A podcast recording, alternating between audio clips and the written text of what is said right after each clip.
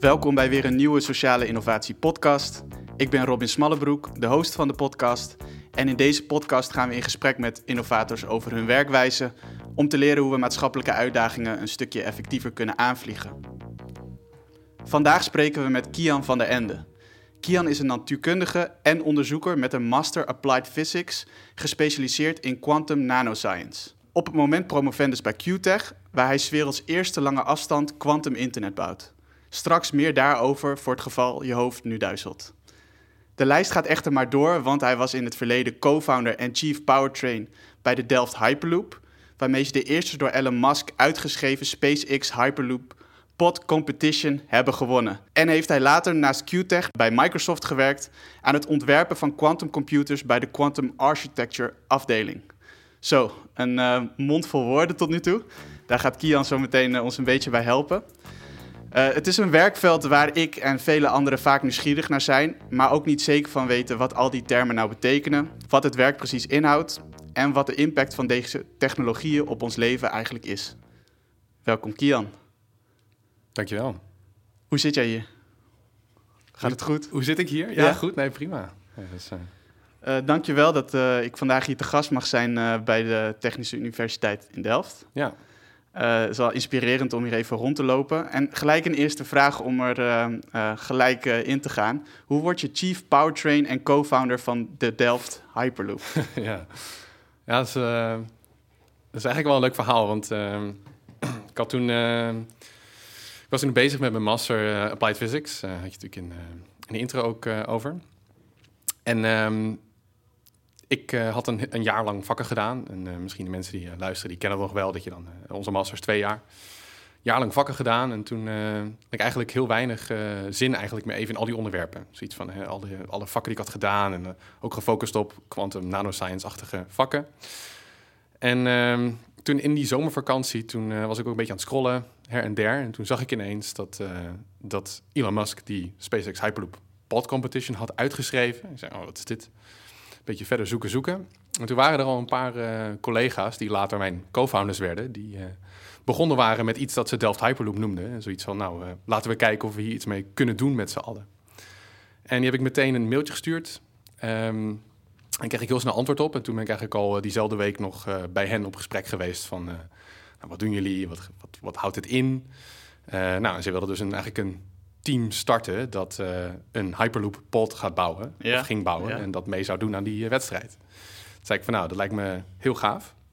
Maar dan wil ik er wel ook echt onderdeel van zijn. Dus dan gaan we ook uh, volledig erin en, um, en dat samen doen, zeg maar. Zij zochten eigenlijk gewoon nog een extra persoon aan het roer erbij, zo kan je het zien. Ja. Nou, dus we zijn met z'n allen hebben dat, hebben dat opgericht. Ja, met, met z'n vijven. En uh, ja, de meeste mensen die zien natuurlijk zo'n uh, zo'n uh, zo'n challenge van Elon Musk voorbij komen en denken, gaaf dat het gebeurt, maar die zien het als een nieuwsfeitje. Jij gaat denkt gelijk van, hé, hey, dit is misschien wel een kans. Hoe stapte je toen op en af? Zeg maar, wat, wat, wat kon jij gelijk toevoegen aan die groep? Um, dat is ook een goede vraag. Ja, nee, de, eigenlijk, uh, zo'n drijfveer is gewoon meteen uh, nieuwsgierigheid. Ik ben ook helemaal niet bang om uh, mensen zeg maar, aan te spreken op, uh, als ik vragen heb, zo gezegd. En dat was dit eigenlijk ook een beetje het geval. Ik gewoon heel erg nieuwsgierig was van, nou oké, wat voor plannen heb je al? waar gaat het naartoe? Is het heel reëel? Weet je wel, gewoon een beetje aftasten van, wat wil je hier nou mee? En dan is het ook best wel een keuze, want toen ik eenmaal dat gesprek doorheen was... en eigenlijk duidelijk was, nou, we willen echt hier werk van maken... en echt een jaar of anderhalf jaar volledig tijd aan besteden... is dat natuurlijk ook best wel een impact op um, op, op je als persoon en tijdsbesteding. Want ik had eigenlijk natuurlijk... De bedoeling was dat ik een jaar lang daarna een, uh, een scriptie zou schrijven. Uh, maar daar dus voor actief voor moeten kiezen. Weet je wat, ik ga echt anderhalf jaar compleet uh, iets anders doen. en dus niet reizen, maar echt ook anderhalf jaar hard, hard werken aan een heel ander onderwerp dan ik gewend was. Want een Hyperloop voertuig is erg, zeg maar, mechanisch, zo gezegd. Uh, maar heb ik, uh, breng ik dan natuurlijk ook weer veel kennis mee vanaf de natuurkunde kant over allerlei um, ontwerpkeuzes en technologieën eigenlijk die je met kennis daarmee weer daarin kan, uh, kan meenemen. Dus bijvoorbeeld, je vroeg natuurlijk van, hé, wat, wat, wat breng je daarin mee? Nou ja, ik heb, um, ik heb onder andere daar onze magnetische levitatiesysteem ontworpen, doorgerekend en, en gebouwd. Wow. Ehm, nou ja, dat is duidelijke maglev, magnetische levitatie. Dat Ja. klinkt eh, heel erg in lijn eh, met natuurkunde. Dus dat, En, en dat klinkt ook best wel als de kern. Want eh, zover ik, wat ik weet met mijn eh, basiskennis van de Hyperloop, is het een soort rails die door inderdaad magnetische levitatie, zoals jij dat zegt, ja, heel snel kan bewegen zonder frictie. precies. Ja, dus het is inderdaad eh, een, een, een voertuig dat zich voortbeweegt door een vacuümbuis. Dus dat is eigenlijk vooral waar de Hm. winst vandaan komt. Eh, dus je hebt eigenlijk, het is eigenlijk een soort van zwevende trein die door een vacuümbuis gaat. Zo kan je het zien. Een soort van eh buizenpost eh on steroids, zeg maar. Ehm, en eh, om daar nog eens verminderde weerstand te hebben met het, in plaats van rollen, net zoals een trein dat zou doen, was dan het voorstel, doe dat dan met maglev. Dus daar heb je ook wat, eh, wat voordelen mee, dat je nog eh, frictieloos, ja, het is niet officieel frictieloos, maar frictie gereduceerd eigenlijk kan, kan zweven. Ja. Maar er zit dus wel veel, veel, veel, ehm, veel ontwerp, ontwerpen in, want eigenlijk heel veel maglev systemen bestonden al. Kan je natuurlijk heel veel van leren, dus daar begint dan ook zo'n onderzoeksfase. Die gaat kijken, wat is er al, eh, wat kan ik daarmee doen? Ja. Maar dat moet je dan natuurlijk nog wel precies weten te eh, focussen of te, hè, toe te passen op het onderwerp, onderwerp van de Hyperloop nu. Want eh, als dingen in vacuüm zijn, dan krijg je ook heel veel problemen vaak met technologie. Dat betekent dat je geen warmteconvectie hebt, dus dat je geen warmte aan de lucht af kan, want er is geen lucht. Daar moet je andere oplossingen voor verzinnen. Dus het is een beetje, ja, er zitten heel veel uitdagingen bij zodra je in één keer zo'n eh, zo, zo'n twist erin brengt van een, eh, van een Hyperloop-omgeving, zo kan je het zien. En, en wat was voor jullie, jullie hebben uiteindelijk de wedstrijd gewonnen. Ja. Ehm, wat was jullie edge op de competitie? Of wat, Ja. wat, wat hadden jullie extra? Moet ik een beetje graven. Ja, ik heb volgens mij deze slagzinnen echt honderd keer verteld toen. Eh, nee, het, eh, nee, dat geen niet. Want eh, we moeten even gewoon eh, even aan terugdenken. Ehm, nee, we hadden uiteindelijk een eh, passief eh levitatiesysteem. Dus dat betekent dat we zonder actieve eh, elektromagnetische componenten, dus echt puur een permanente magneet, dat aan de onderkant zat van het voertuig, eh, daarmee konden we zweven. En dat betekent dat je eigenlijk heel erg onze, onze eh, zweefmethode, dus we in de lucht blijven, dat was dus compleet passief. Dus zelfs de controle en de, hè, dus zorgen dat je niet naar links en naar rechts gaat of gaat tilten, zoals met een, met een auto als je accelereert, dat je een beetje naar achter gaat en zo. Al die dingen die waren allemaal passief geregeld. Dus er waren geen actieve componenten. We verbruikten minder stroom dan een gloeilamp. Ehm, terwijl we aan het vliegen zijn, zo gezegd. Eh, ik denk dat dat een van de, de grootste selling points was. Dat het eigenlijk een systeem was dat het meest simpel was wat je kan voorstellen, maar daardoor extreem effectief in, eh, in operatie. Ja.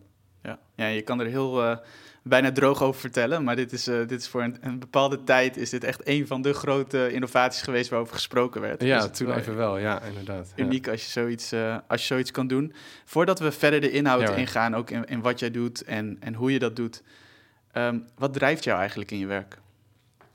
Ja, ik denk dat, we, dat ik dat net eigenlijk ook al een beetje zei. Dat is wel heel erg waar in de hele lijn van eh, mijn eh, nu eh, wat, nou ja, wat korte carrière nog. Maar dat is die nieuwsgierigheid. Dus dat is toch ehm, van, vanaf begin dat ik eh, überhaupt de richting van natuurkunde of technologie opging. Zo eh, altijd afgevraagd, hoe werkt dit? Eh, wat kan ik ermee? Wat zijn de limieten? Hoe ver kan ik dit pushen? Ehm, en als er limieten zijn, zijn ze er te omzeilen op een bepaalde manier. Hè? Dat is de, de tweede laag. En die nieuwsgierigheid, dat heeft me altijd ergens gebracht. Dus in dit geval bij de Hyperloop zelf. En ook nog eens van, nou, hoe nieuwsgierig ben je dan? eh, eh, of ik ben zo nieuwsgierig naar hoe dit dan werkt. eh, ga het uitvoeren. Dus die, die behoefte eigenlijk om alles tot op het bot te kunnen snappen. Maar ehm, dan wel op het juiste moment stoppen met proberen te snappen. En dan eigenlijk om te, om te bouwen naar iets wat je kan gebruiken. Heel belangrijk eigenlijk. Want vaak zie je dat de echte, fundament, echte, echte fundamentele onderzoek... dat blijft maar doorgaan hè, naar dieper, dieper, dieper. Je kunt altijd fundamenteler Je gaan. kan eigenlijk altijd fundamenteler. En de lijn leggen naar... eh, of hè, de lijn trekken bij wanneer je zoiets fundamenteels zou, kan, zou kunnen ombuigen... dan weer naar iets wat heel nuttig is. En wat je dus ook weer kan gebruiken... en wat andere mensen misschien weer kunnen gebruiken. Eh, die lijn probeer ik altijd op te zoeken, waar dat ligt. Misschien soms iets te vroeg, soms iets te laat. En soms zit je precies goed. Ehm, maar dat is wel een, een punt waar je ehm, natuurlijk... Hè, als je een, soort van de meest efficiëntie kan halen uit van... nou, ik, ik probeer een onderwerp te begrijpen, eh, te- doordringen... en dan ook te kijken, wat kan je ermee? En op het juiste moment omschakelen. dit klinkt ook een beetje als het, de, de lijn tussen inventie en innovatie. Ja. Ehm, en ik vind het ook wel bijzonder dat jij dus die, eh, die slag weet te maken. Want ik merk ook wel eens in gesprekken met mensen die ook heel fundamenteel onderzoek doen, dat die inderdaad nooit de, de toepassing, daar kan ik dan, voor, is voor mij dan bijvoorbeeld een hele logische stap om dat nu te gaan bespreken in het gesprek. Maar dat Mhm. is dan niet een logisch gevolg eigenlijk in het gesprek dat ik met die persoon heb. Interessant, ja. Ehm, hoe, hoe, hoe kom jij erachter dat je zegt van oké, maar nu, eh, dit is ver genoeg. eh, en nu is het, heeft het een bepaalde waarde voor een bepaalde context. Hoe, hoe kom je daarachter? Hoe weet je waar die lijn ligt? Ja, hoe weet je waar die lijn ligt? Ik denk, bij mij is het veel intuïtie geweest, soort van. Ehm, en ook eigenlijk... ehm, mm, ik, ik denk dat het eh, te maken heeft met eh, dat je al van tevoren misschien een doel voor ogen kan hebben. Dus dat je zegt, ik wil, eh, nou ja, ik wil een Hyperloop voertuig laten zweven. Of misschien waar we straks wel gaan hebben, ik wil een... eh, quantum computer bouwen of een quantum internet bouwen of hè, dat soort. Het klinkt, misschien is dat dan eh, natuurlijk een heel breed en soort van vaag doel.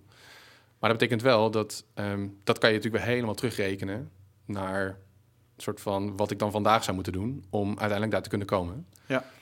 Ehm, en in die, in die berekening of in die planning kan ik me heel goed voorstellen dat je, of tenminste dat is zo gebleken, daar zit dan natuurlijk ergens een omslagpunt in van nou nu heb ik de fundamenten onder de knie.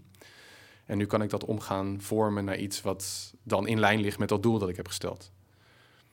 Ja, dus er is eigenlijk een soort van, er is een product en een doel gedefinieerd aan de voorkant en daar werk je naartoe Ja. om dat eh, te fixen. Ja, dus het klinkt eigenlijk, misschien als je het zo inderdaad zegt, eh, ook als ik het een beetje zeg, heb ik het gevoel van ja, dat klinkt natuurlijk heel logisch. Ja, dat is juist misschien, fijn. Ja, dus- maar dat, misschien is het ook niet meer dan dat. Dat kan natuurlijk ook gewoon zo zijn. En dan is het natuurlijk juist wel aan de verantwoordelijke eh, om dat dan in een goede banen te leiden en je niet eh, kwijt te raken in, eh, in of te fundamenteel of te vroeg van start gaan, waardoor je eigenlijk eh, niks bereikt omdat je misschien niet de juiste performance haalt van whatever je aan het ontwikkelen bent. Ja. En, en hoe omschrijf jij wat je doet? Want nou ja, quantum computing ben je mee bezig. Je bent een natuurkundige. Dit zijn waarschijnlijk voor de, heel veel mensen die op dit moment aan het luisteren zijn, zijn het alweer dingen die nou, niet per se direct allemaal aan elkaar linken. Ja. Eh, ja, hoe omschrijf je dat? Ja, precies. Ja, ik heb dat vroeger ook altijd eh, heel, heel interessant gevonden. Als je dan inderdaad hoort dat iemand natuurkundig is of onderzoek doet. En wat is dan onderzoek? Ehm, en ehm, ik, eh, ehm, ik, ik, heb al, ik heb een beetje een voorbeeld soort van bedacht, al eerder. Ja, En dat was zoiets van als ik. Eigenlijk probeer je een soort van hele grote puzzel eh, te leggen. Ehm, en bijvoorbeeld je dagelijkse werk kan je vergelijken met. eh, ik weet niet of je wel eens weet, is als je vroeger nog wel eens een nieuwe telefoon had of eh, een nieuw apparaat, dat je dan weer een andere kabel nodig had om op te laden. En als je dan die kabel niet hebt, Zeker. dan ga je in je la zoeken naar allemaal nieuwe kabels. En, nou ja, uiteindelijk heb, vind je misschien de juiste, of je, misschien vind je een converter die dan naar de goede gaat. Nou, dat is een beetje mijn dagelijkse werk, maar dan keer 100, zeg maar. En een stuk meer lage complexiteit. En dan zijn die interfaces eh, ook fysieke apparaten. Eh, maar eigenlijk ook vooral eh, bijvoorbeeld werken naar een doel. Want in dit geval wilden we een telefoon opladen misschien. En ik wil misschien een ehm, uitkomst van een bepaalde meting doen. Nou, en dat, zo'n uitkomst geeft me dan input om verder te gaan met het hogere doel wat ik eerder had gesteld. En dat is een beetje die cyclus van onderzoek waar je doorheen zit. Dus dat betekent, je stelt jezelf weer, denk ik, een doel. En eh, dat doel kan je natuurlijk ook weer beschrijven in getallen. Dus net zoals dat je kan zeggen, weet je wat, eh, ik wil heel graag eh, snel internet hebben. Ja. Ehm, eh, normaal internet, hè. Dus eh, nou, tegenwoordig kan ik dan naar eh, een internetaanbieder en ik kan zeggen, hey, eh, mijn huis heeft glasvezel, dus wil ik glasvezel-internet. En dan kan ik een gigabit eh, per seconde kan ik kopen. Maar toen dat nog niet bestond, toen was het van, eh, nou oké, eh, ik heb nu een glasvezelkabel. Ik heb geen enkel apparaat. Maar ik wil wel een gigabit eh, per seconde eh, bestanden versturen of eh, bitjes versturen naar elkaar. Ja, hoe doe je dat? En dat, dat is denk ik het equivalent waar ik constant mee bezig ben. Dat je dan helemaal terug gaat denken weer van oké, eh, bitjes versturen. Nou, over glasvezel, dat moet met licht. En hoe encodeer ik dan die bitjes op dat licht? En eh, op een klassiek niveau werkt dat eh, zo. En dat is natuurlijk al eh 60 jaar geleden begonnen. En tegenwoordig kan je dus nu een eh, apparaat kopen dat eigenlijk het resultaat is van al die stappen in dat onderzoek. Van, de vra- van, van een doel, namelijk ik wil hè, bits versturen, tot eh, een apparaat dat dat helemaal in elkaar op een chipje gebakken heeft die dat automatisch voor je doet. Maar heeft, daar zit 60 jaar aan mensen tussen die, zoals ik, die eigenlijk dat helemaal van de grond af hebben moeten ontwerpen, protocollen bedenken, ehm, standaardiseren. Hè?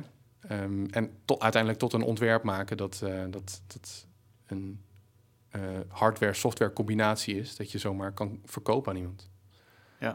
Er zijn denk ik ook nogal wat abstractieniveaus in um, nou, over dit soort onderwerpen praten. Want alleen al bijvoorbeeld zonder een goede natuurkundige achtergrond, zoals ik zelf bijvoorbeeld, dan is al de magie van dat, er, dat die data door een kabel gaat of door de lucht. Dat is al heel lastig, zeg maar, te beseffen. Hmm. En ik denk ook um, ja, dat het goed is dat we daarom nu even deze stapjes maken. En dat jij eigenlijk nou, een heel een voorbeeld van de kabels geeft. En dan nu naar gewoon internet, waar denk ik mensen een beeld bij hebben. Ja. Um, Waar jij echter nu ook alweer, uh, ja, we zijn bezig als mensheid met een volgende stap, namelijk quantum computing en het quantum internet. Um, en correct me if I'm wrong, wat weer een toepassing is van dat quantum computing. Ja, of eigenlijk een, uh, ja, een soort van natuurlijke extensie, net zoals dat het internet een natuurlijke extensie was van, uh, van computers. Ja, ja en, en wat is dat dan? Wat is quantum computing en wat is het quantum internet? Ja, dan moeten we misschien een klein stapje terugnemen. Dus um, um, Quantum computing is ehm, een, de, het, het veld waarin de wetten van de kwantummechanica worden gebruikt om uh, bepaalde wiskundige problemen op te kunnen lossen. Uiteindelijk is jouw computer natuurlijk ook eigenlijk één apparaat dat alleen maar kleine wiskundige berekeningetjes maakt bij elkaar, zodat ik uiteindelijk met jou kan videobellen. Um, maar er zijn nog heel veel andere moeilijkere problemen die wiskundig op te lossen zijn. Uh, maar die eigenlijk door klassieke computers, door de computers nu, veel te moeilijk zijn om op te lossen. Wat zou zo'n pro probleem bijvoorbeeld kunnen zijn? Een heel bekend probleem is uh, um, het maken van, stik, van, uh, sorry, van uh, kunstmest op kamertemperatuur. Dat kan een koe, die eet gras en daar komt mest uit. En dat is een chemisch proces dat in die koe gebeurt, bepaald van enzymen en dergelijke. En toen we dat wilden gaan namaken in de industrie, toen uh, kwam eigenlijk erachter dat dat niet zo makkelijk gaat. En dat het daar een heel moeilijk proces is dat we niet snappen. De enige manier waarop we dat konden doen was um, uh, allerlei producten in een hoogoven stoppen. En dat dan uh, extreem verhitten en dan rolt er kunstmest uit. Nou, en iets van 2 tot 3 procent volgens mij van de totale werelds energiebehoefte gaat naar het maken van kunstmest. Door dat proces. Terwijl een koe doet het eigenlijk nou ja, gratis. Hè? Een soort van niet gratis, maar eh, die stoot dan weer veel methaan uit natuurlijk. Ja, maar goed, precies. Dat is, andere uitstoot. Dat is weer andere uiterste. Maar dat proces, dat, uh, dat, dat noemen ze... Um, dat vangt stikstof in een bepaald chemische structuur. En dat werkt dus ook op dat kleinste niveau. Hè, dus dan heb je het eigenlijk over het maken van een bepaald molecuul. Zo kan je dat zien. Nou, dan weten we dat goed te engineeren nu uh, in die hoogoven. Maar dat proces snappen we niet zo goed. Maar het maken van zo'n molecuul, moleculen volgen ook de regels van de kwantummechanica. Want dat zijn de, hè, de, wetten die plaatsvinden eigenlijk op, op, de kleinste deeltjes die we kennen. Nou, een molecuul bestaat uit de kleinste deeltjes, namelijk atomen, elektronen. En een constellatie van dat soort van, van uh, de kleinste deeltjes. En dus om te kunnen snappen hoe zo'n molecuul opgebouwd is, moet je dus eigenlijk ook kunnen rekenen volgens de wetten van de natuur. Want uh, een, een, computer nu kan dat niet, omdat de mogelijkheden eigenlijk waarop je zo'n molecuul zou moeten kunnen bouwen, uh, veel te veel zijn voor een computer om te kunnen simuleren. En dat kan je zelfs uh, voor de grap doorrekenen, dat als je zeg maar de hele aarde zou kunnen maken tot de, tot de snelste computer die we nu hebben, hè, dus dat je een datacenter legt dat over de hele wereld zit, zelfs dan kan je dat niet modelleren. Oké. En dat geeft gewoon aan, hè, je kan een soort van bijna een trade-off maken. Van nou, of ik bouw werelds grootste computer, kan ik het dan? Of ik stop mijn moeite en geld in misschien een andere techniek die uh, dat potentieel later wel kan. En, en dat niet uh, even groot is als de aarde. Nou, en dan kom je dus bij quantum computing uit. En dat, dat, daar kan je dus wel rekenen met die wetten van de natuur. En dan kan je dus wel hè, inherent gebruik je die kwantummechanische wetten om op zo'n antwoord te komen. Het klinkt dan ook bijna nog steeds een beetje zweverig. Um, nou, ik vind dat je het heel helder uitlegt. Het, het, roept bij mij wel gelijk een vraag op, of een, een, tussenvraag van... is dat dan puur snelheid of is dat ook de aard? Nee, het is de aard van de berekening. Dus het is de aard van de aanpak van, van uh, hoe... hoe ehm, ja, met welke wetten eh, reken ik? En eh, misschien ter vergelijking, hè, zo kan je eh, zien dat eh, de huidige computer die werkt met bits. Dat is binair bedacht door ons. Hè. Dat is niet iets wat bestaat per se. We zeggen gewoon 0-1, oké, dat is binair. En het blijkt dat je met binair heel cool kan rekenen. En ehm, de wetten van de kwantummechanica die ehm, kunnen ook eh, binair werken, maar dan zelfs in een superpositie van die binaire dingen noemen we dat. Dus dat betekent dat als ik een bit heb eh, in de huidige computer, die is 0 of 1, en een quantum bit, een qubit, dat zijn woorden die je vaak in het nieuws ziet, of eh, dat is een quantum bit, die kan een superpositie zijn van 0 en 1. Dus die is een 0 en 1 tegelijkertijd op een bepaald moment. En omdat ik heel veel van die, als ik een aantal van die qubits heb die allemaal in zo'n superpositie kunnen zitten, dus die een aantal combinaties kunnen zijn van die 0 en 1, ehm, dan groeit eigenlijk de, ehm, ja, dat noemen we dan de oplossingsruimte, hè? dus de, de, alle mogelijkheden die ik zou kunnen hebben in dat systeem, die groeit dan ook met, eh, die groeit exponentieel. Dus dat betekent dat je dus met veel minder van die qubits eigenlijk veel meer van je problemen in één keer zou kunnen beschrijven. En groeit die dan omdat ik, ik hoor jouw verhaal nu en ik denk, misschien horen meer mensen dat zo, eh, dat je een 0 en een 1 hebt of beide. Dus dan Mhm. heb ik 3 en dan met mijn simpele wiskunde denk ik dan, oh dan is het 3 keer 3 keer 3 keer 3. Dus dan groeit die zo verder. Nee, het is bijna. Het is, Oké. het is andersom dat eh, je hebt ehm, zeg maar 0-1 tegelijk. Dus dan zit je 0-1. Dus dat, eh, eh, daar begin je mee. Maar uiteindelijk, ehm, als ik dan nog een tweede qubit erbij doe, dan heb ik eh 0-0 of 0-1 of 1-0 of 1-1. Ja. Nou, zo zie je al, dat gaat dat dan door. En een derde erbij. En dat gaat dan met 2 tot de macht aantal van qubits eh, heb je dan als oplossingsruimte, zo noemen we dat dan. Dus het gaat nog veel sneller. Het gaat nog veel sneller. En ehm, dat betekent dus ook dat je met een veel kleinere kwantumcomputer ook veel meer al kan dan met eh, een computer dat dezelfde hoeveelheid bits zou hebben. Dus met een kwantumcomputer van een 100 qubits kan je al nou ja, bijna alles wat je nodig hebt. Ehm, terwijl een huidige computer van 100 bits, dat eh, kennen we niet eens. In jou, zelfs in je telefoon zitten er al eh, een paar miljoen. Ehm, en ehm, daar werken we dan ook naartoe. Hè? Dus dat je een selecte groep hebt aan die qubits, die je goed kan controleren, want dat is nog een ander, eh, een ander punt. Ehm, dat je daar hele goede controle over hebt, dat, ze geen, eh, dat je ze niet per ongeluk eh, fout instructies geeft of een foute uitlees daarvan doet. Ehm, en als je dat dan zou hebben, dan kan je best wel veel eh, algoritmen al doen. Een algoritme dus die, ehm, nou ja, hè, dus dat waar we het net over hadden, die kunstmest, dat is een optimalisatieprobleem, noemen we dat. En nou, dat zit in de, in de hoek van quantum chemistry, noemen we dat dan, omdat het hè, een eh, chemisch proces is. Ja. En zo heb je nog andere optimalisatieproblemen die werken met heel veel mogelijkheden. Dus bijvoorbeeld het sturen van verkeer door een stad heen. Heel moeilijk probleem, want er zijn heel veel auto's en heel veel mogelijkheden waarin die auto's kunnen gaan. Maar er is uiteindelijk maar een soort van één optimum eigenlijk. Hè, waarin alle auto's zo snel mogelijk van A naar B kunnen en elkaar niet in de weg zitten. Dat zijn ook problemen die een quantumcomputer kan oplossen, omdat hij dus ook die, al die mogelijkheden eigenlijk veel meer eh, in acht kan nemen. Oké, dus dit, Conceptueel niveau. dit geeft ons al een heel mooi... eh, ja, het is heel fijn hoe jij dit kan uitleggen, want dit geeft ook de concrete problemen. Ik heb dit ook wel een paar... dit gesprek even voorbesproken met een aantal mensen... om eens te kijken van wat voor vragen roept dit op. Ja. En een van die vragen is inderdaad van... ja, waar gebruik je dat dan voor? Zo van, ik kan mijn mobiel nu toch gebruiken. Ja. Dus ik denk dat dit al de verbeelding een stuk eh, nou ja, beter aan het werk zet. Tegelijkertijd, jij bent nu vanuit quantum computing met het quantum internet bezig. Ja. En we zitten hier binnen QTech. Ehm, kan je eerst misschien eens vertellen wat QTech is en wat dan vervolgens ehm, ja, het quantum internet is, wat jullie aan het maken zijn? Uiteraard. Nou, QTech ehm, is een onderzoeksinstituut dat een samenwerking is van eh, TU Delft en TNO. Eh, die, eh, die zit hier ook fysiek in Delft daarnaast als gebouw. Het instituut is in het leven geroepen omdat de TU Delft heel veel onderzoekskennis heeft op het gebied van, eh, ehm, van quantum. Nou, daar kunnen we natuurlijk, eh, gaan we later nog iets meer over hebben. Ehm, en TNO heeft heel veel expertise. En dat betekent heel veel engineering expertise. Dus mensen die echt specialistisch zijn op het...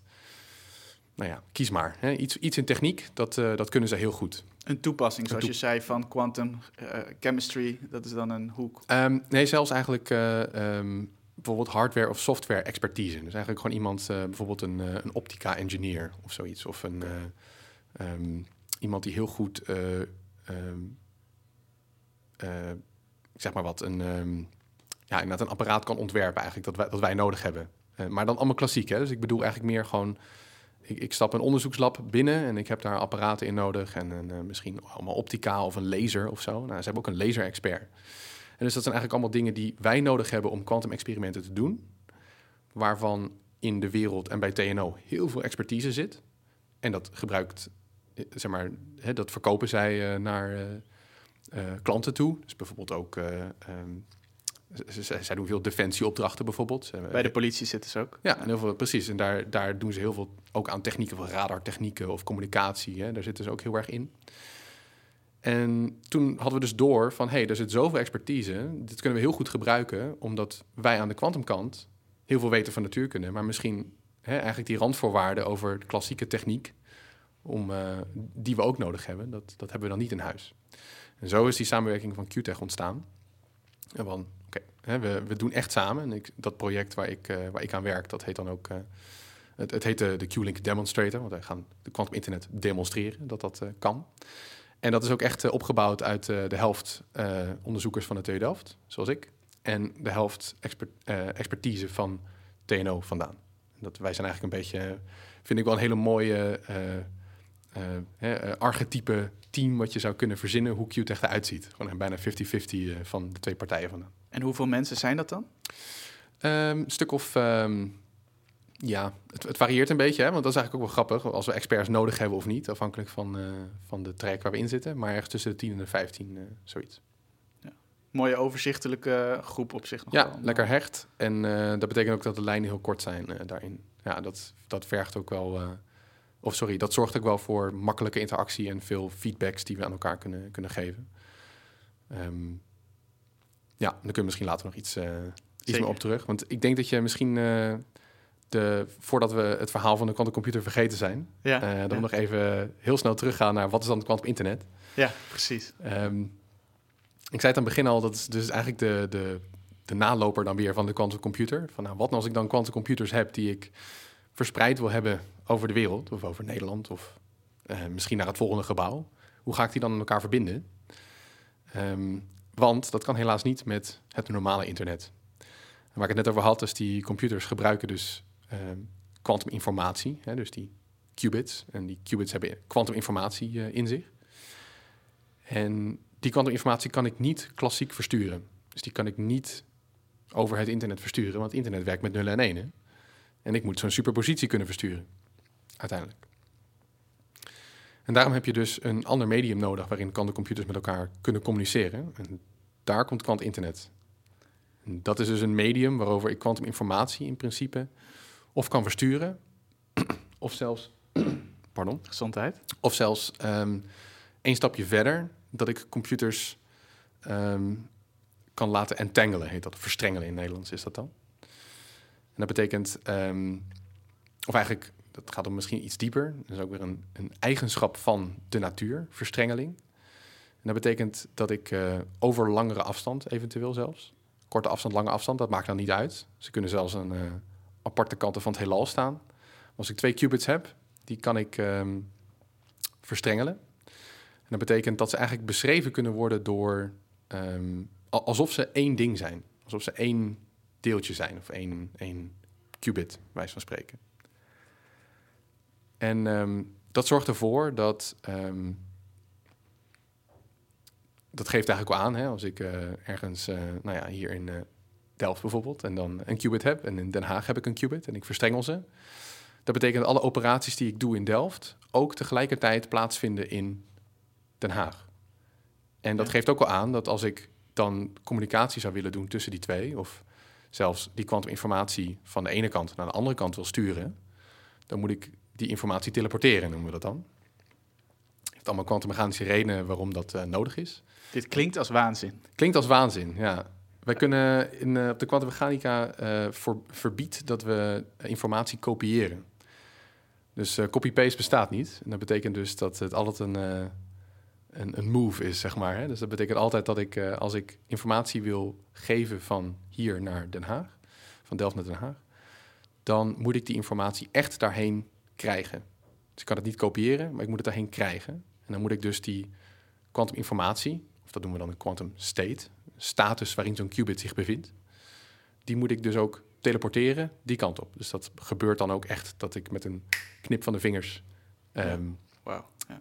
die informatie die kant op krijg. Ja, Ik denk ook dat dit iets is wat we in dit gesprek eventjes moeten voor lief nemen dat dit zo is. Zeker, ja. Eh, want anders dan eh, komen we in een, denk ik, een college na- natuurkunde waar, we, eh, waar ik jou niet ga begrijpen en waarschijnlijk heel veel luisteraars jou niet. Ja, maar dat is ook niet de bedoeling, denk ik. Ik denk Nee. dat eh, de, de takeaway hiervan is dat je...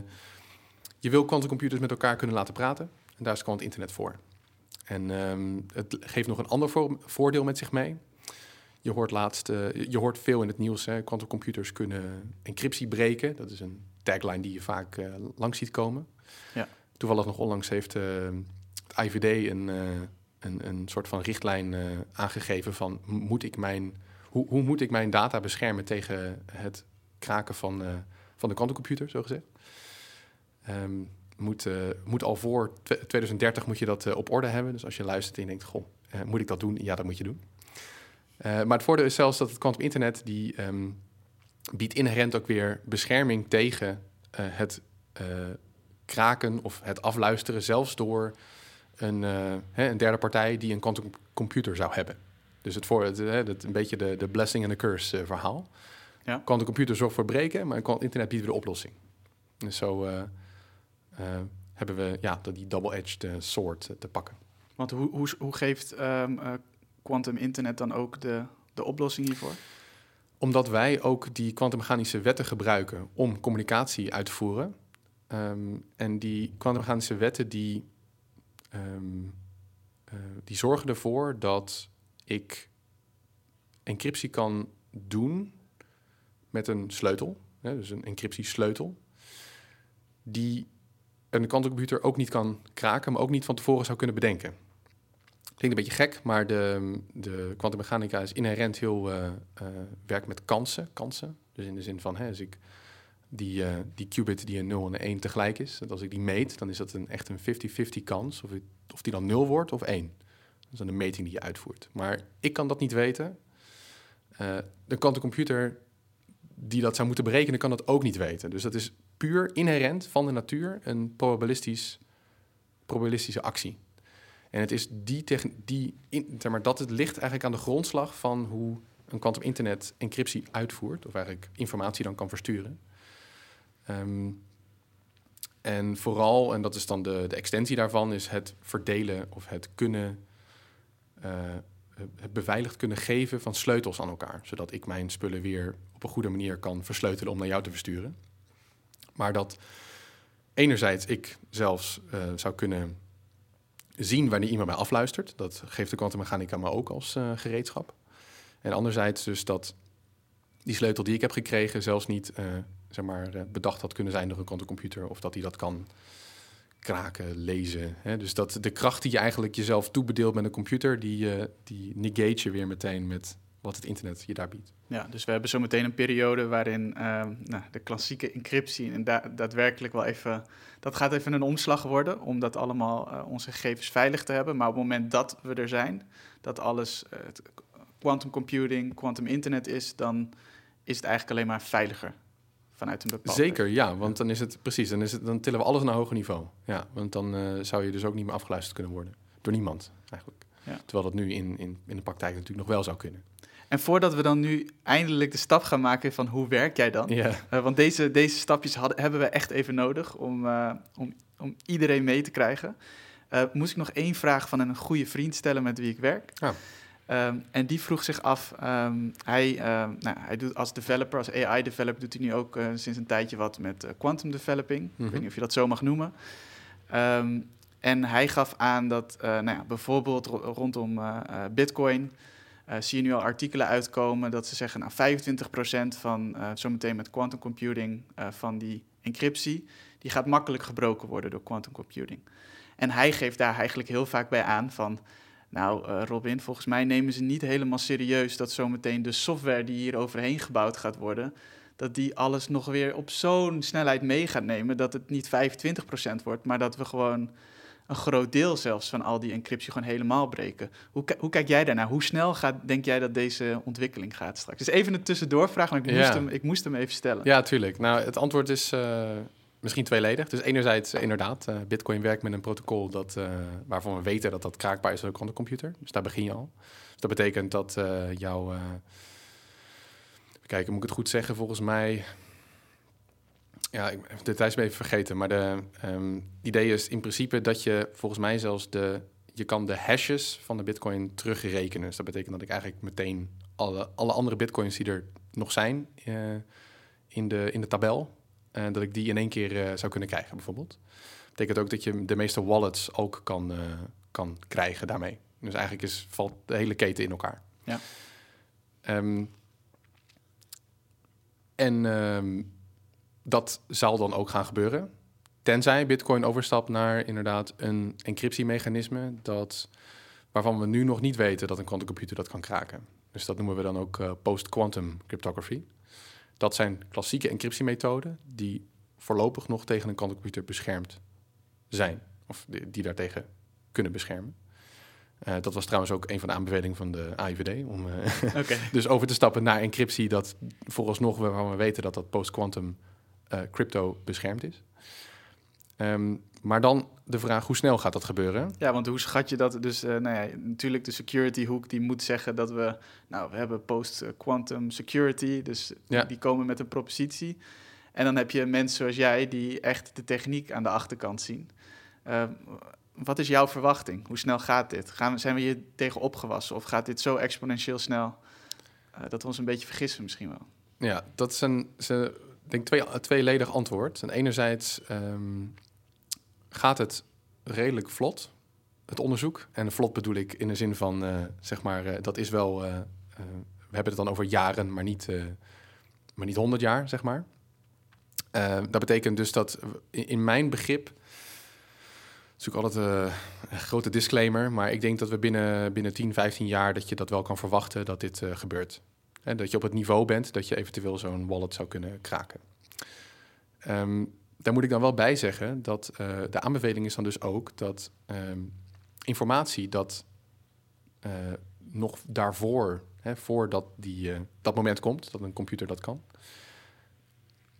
moet je informatie eigenlijk al, beveiligd hebben op die manier, zodat die quantumcomputer dat niet kan kraken.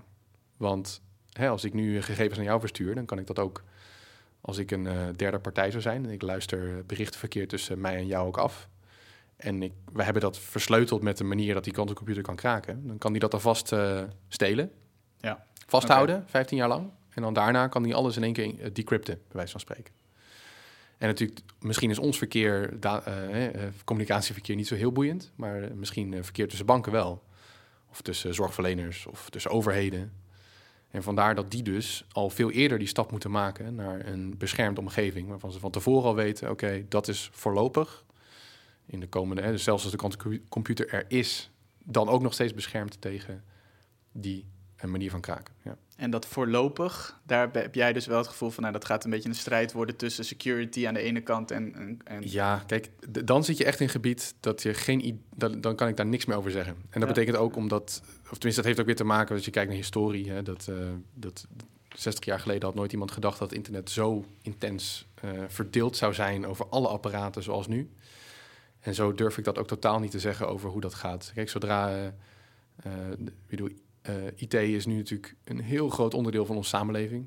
Um, zoveel mensen werken daar aan en in. Ik verwacht dat zo'nzelfde switch ook gaat plaatsvinden aan de kwantumkant.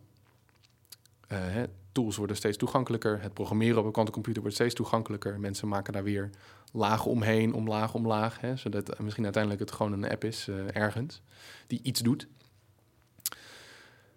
En dat brengt natuurlijk ook heel veel creativiteit met zich mee. En heel veel mensen die dan weer input geven, of heel veel slimme mensen die daar weer, uh, en, en misschien hele ethische of niet-ethische hackers die daar weer iets op gaan verzinnen.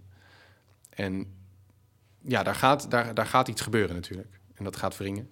Um, en dat blijft dan die constante strijd tussen natuurlijk het proberen te kraken en proberen niet te kraken. Eén ding dat we dus wel weten is dat het quantum internet daar dan altijd een uh, soelaas uh, toe, biedt, zeg maar. Want dat is dan dus een soort van met quantum encryption, zo kan je dat misschien in de volksmond uh, zo noemen.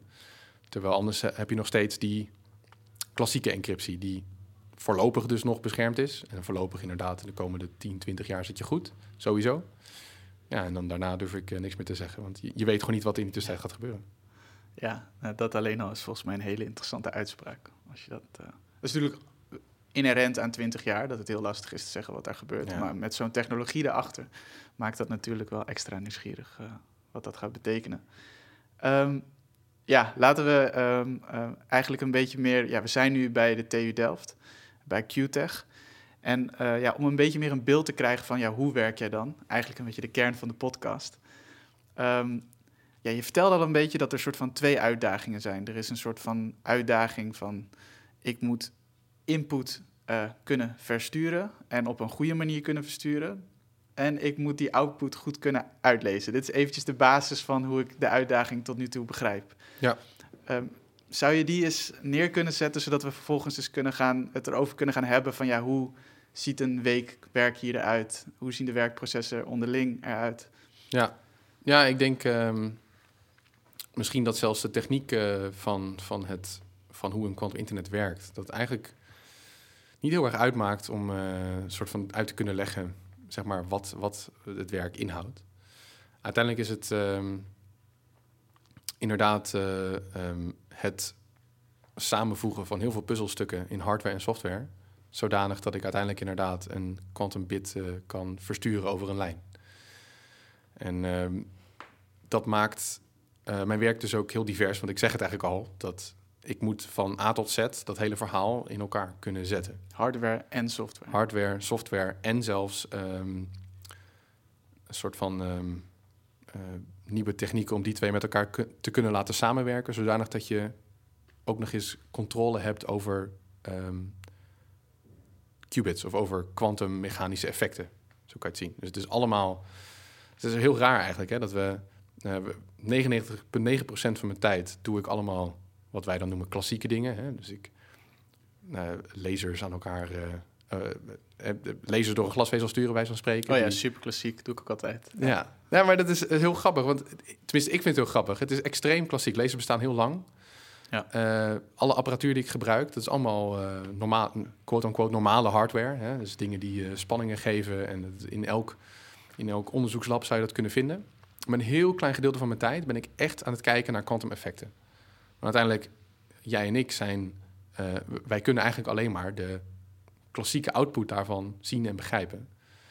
Um, terwijl die kwantummechanische effecten die op, op klein niveau zijn... Nou, die gebeuren gewoon niet heel veel, want ik moet heel veel voorwerk doen om daar te kunnen komen, zeg maar. Dus dat bewijst dat zo'n kwantummechanisch effect goed werkt, of dat ik zo'n qubit heb verstuurd. Um, dat, uh, dat is dan eigenlijk bijna nog het, het kortste gedeelte van het werk. En eigenlijk is al het voorwerk aan alle klassieke hardware en software om te maken, zodat ik al die apparaten kan besturen, die precies dan die kwantummechanische dingen kunnen laten zien uh, op een, hè, met een kwantummechanisch objectje. Um, daar gaat de gros van tijd in zitten. En, hoe ziet dat voorwerk er ongeveer uit? Um, ja, je moet het zo zien inderdaad misschien als uh, een beetje getallen rondgooien, want dan heb je een beetje het idee waar, waar we het over hebben. Um, is dat, uh, ik denk dat we een stuk of honderd uh, apparaten hebben die allemaal met elkaar moeten samenwerken. Het is eigenlijk alsof je een heel groot orkest hebt, zo kan je het zien. Een heel groot orkest aan hardware, dat precies allemaal op de juiste tijdstippen, op de juiste momenten precies afhankelijk van elkaar ook weer um, iets doen. Het maakt dan niet eens uit wat we, of in het gesprek, maar het soort van orkest op het juiste moment uh, muziek moet maken, zodanig dat er uh, geluid uitkomt wat lekker klinkt. En dus ook hierbij dat al die apparaten op de juiste momenten met elkaar moeten samenwerken, zodanig dat je een quantum effect tot stand brengt. Um, en dat betekent dus, als ik zoveel hardwareapparaten heb, dan moet ik die dus ook allemaal nog kunnen besturen met software. En dat betekent op laag niveau, namelijk uh, uh, dat ik met zo'n apparaat überhaupt communicatie kan uitvoeren, tot een hoger niveau, namelijk dat ik natuurlijk ook nog eens de dirigent ben die dat hele orkest moet leiden naar uh, dat het goed klinkt. Dat ik zo'n quantum effect uiteindelijk eruit krijg. En dat betekent dus ook dat er heel veel interfaces zijn en met mij en iets. Dus dat betekent met mij en een apparaat of met mij met een fysieke uitleiding van, uh, van, uh, van optische dingen. Want wij werken met quantum internet, dus met qubits die enkele lichtdeeltjes uitzenden. Dus ik werk veel met licht en daardoor, daar, daar kom ik met, met, met die laser dan weer mee terug. En ehm, ik kan dus ook al die onderdelen dus beschrijven allemaal korte en kleine brokken aan uh, ik wil bepaalde performance eruit halen. Ik wil zoveel licht eruit. Ik wil zo snel licht eruit hebben. Ik wil um, dat uh, als ik dit apparaat vandaag aanzet en hij doet precies wat ik wil doen, dat hij dat morgen ook nog doet. En over een week ook nog. Um, al die vraagstukken, dat kan we al eigenlijk onderverdelen, allemaal kleine brokjes van, nou ja, noem het werkpakketjes. Zeg maar dingen die allemaal uiteindelijk dan weer aan elkaar genaaid moeten worden, zodanig dat het één groot nou ja, dat orkest dan weer is dat dat precies, precies goed loopt. Ja. Dus, als een geoliede machine. Dus technisch eigenlijk, wat je vanzelfsprekend neemt bij een klein... Dit, je hebt het over 100 onderdelen. Ja, gaat goed hoor. Je reikt even de microfoon aan. Maar um, we, zijn bij een computer gewend, een klein kastje. Nou, we zijn nu nog net niet binnen geweest uh, uh, bij de testopstelling zelf. Ja, ja. Maar hoe groot is dat ongeveer? Um, even kijken hoor. Dat is um, zeg maar 5 bij, uh, 5 bij 3 uh, en dan uh, twee meter, of drie meter hoog, zei Oké, en daar staan dus een stuk of honderd apparaten. Ja, zo kan je het zien. Ja, en een uh, optische tafel hebben wij nodig. Dus dat betekent, optische tafel is een tafel die heel erg perfect is uitgelijnd. Die is heel vlak. Um, en daar is, die is heel stabiel.